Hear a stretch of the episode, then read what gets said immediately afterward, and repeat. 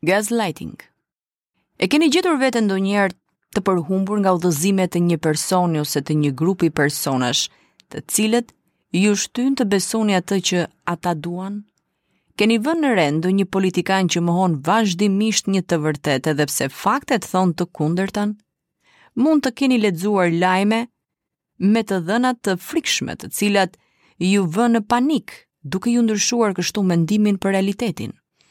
Këto raste përmblidhen me termin gaslighting, kuptimi i të cilit lidhet me format e manipulimit psikologjik. Kjo do të thotë që personi abuzues synon të krijojë konfuzion në mendjen dhe sjelljet e viktimës, duke mohuar realitetin apo duke i nxitur dyshime edhe pse realiteti mund të jetë krejtësisht ndryshe. Ky manipulim psikologjik kërkon të mbjellë dyshim në mendjen ose në besimet e personit që më pas të fillojë kontrolli mbi atë person, grup ose shoqëri. Ky term është përdorur që nga shfaqja Gaslight në vitet 1938, e cila paraqiste manipulimin sistematik psikologjik të një burri ndaj gruas së tij, Për t'i marrë paratë, burri manipulonte gruan e tij duke bërë të mendonte që ajo ishte e çmendur. Ndër shumë truke, burri kishte instaluar një sistem për të ndezur dhe fikur dritat në shtëpi kur gruaja ishte vetëm. Në këtë mënyrë, ajo pak e nga pak po besonte se vërtet diçka nuk shkonte me shëndetin e saj.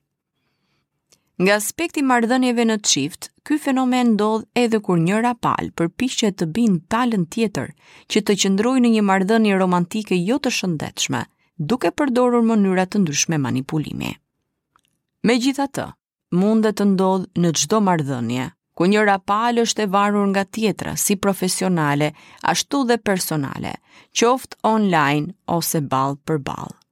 Sipas sociologes Paige Sweet, gaslighting duhet konsideruar ashtu si dhe format e tjera të dhunës, e cila nuk është një rastësi, por proces.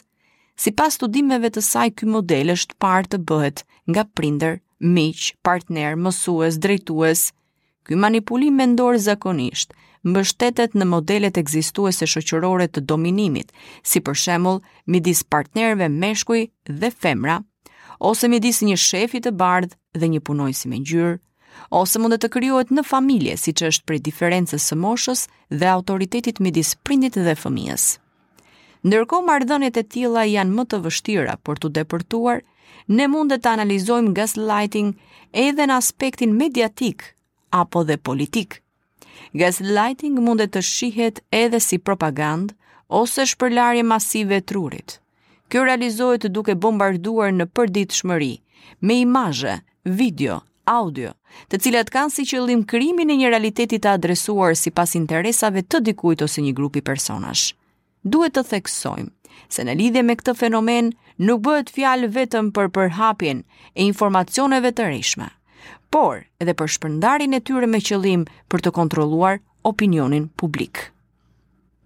Fazat e gaslighting. Mosbesimi.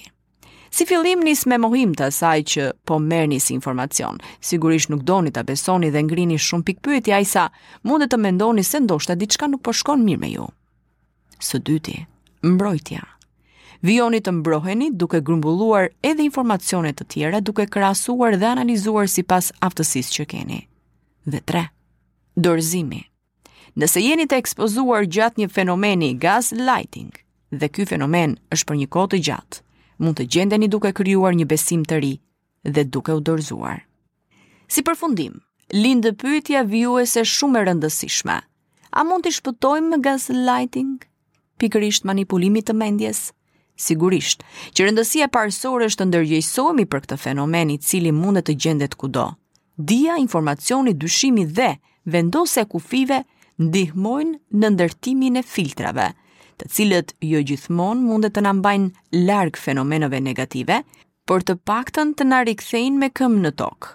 Po ashtu, po është e rëndësishme të kërkoni ndihmë dhe mbështetje.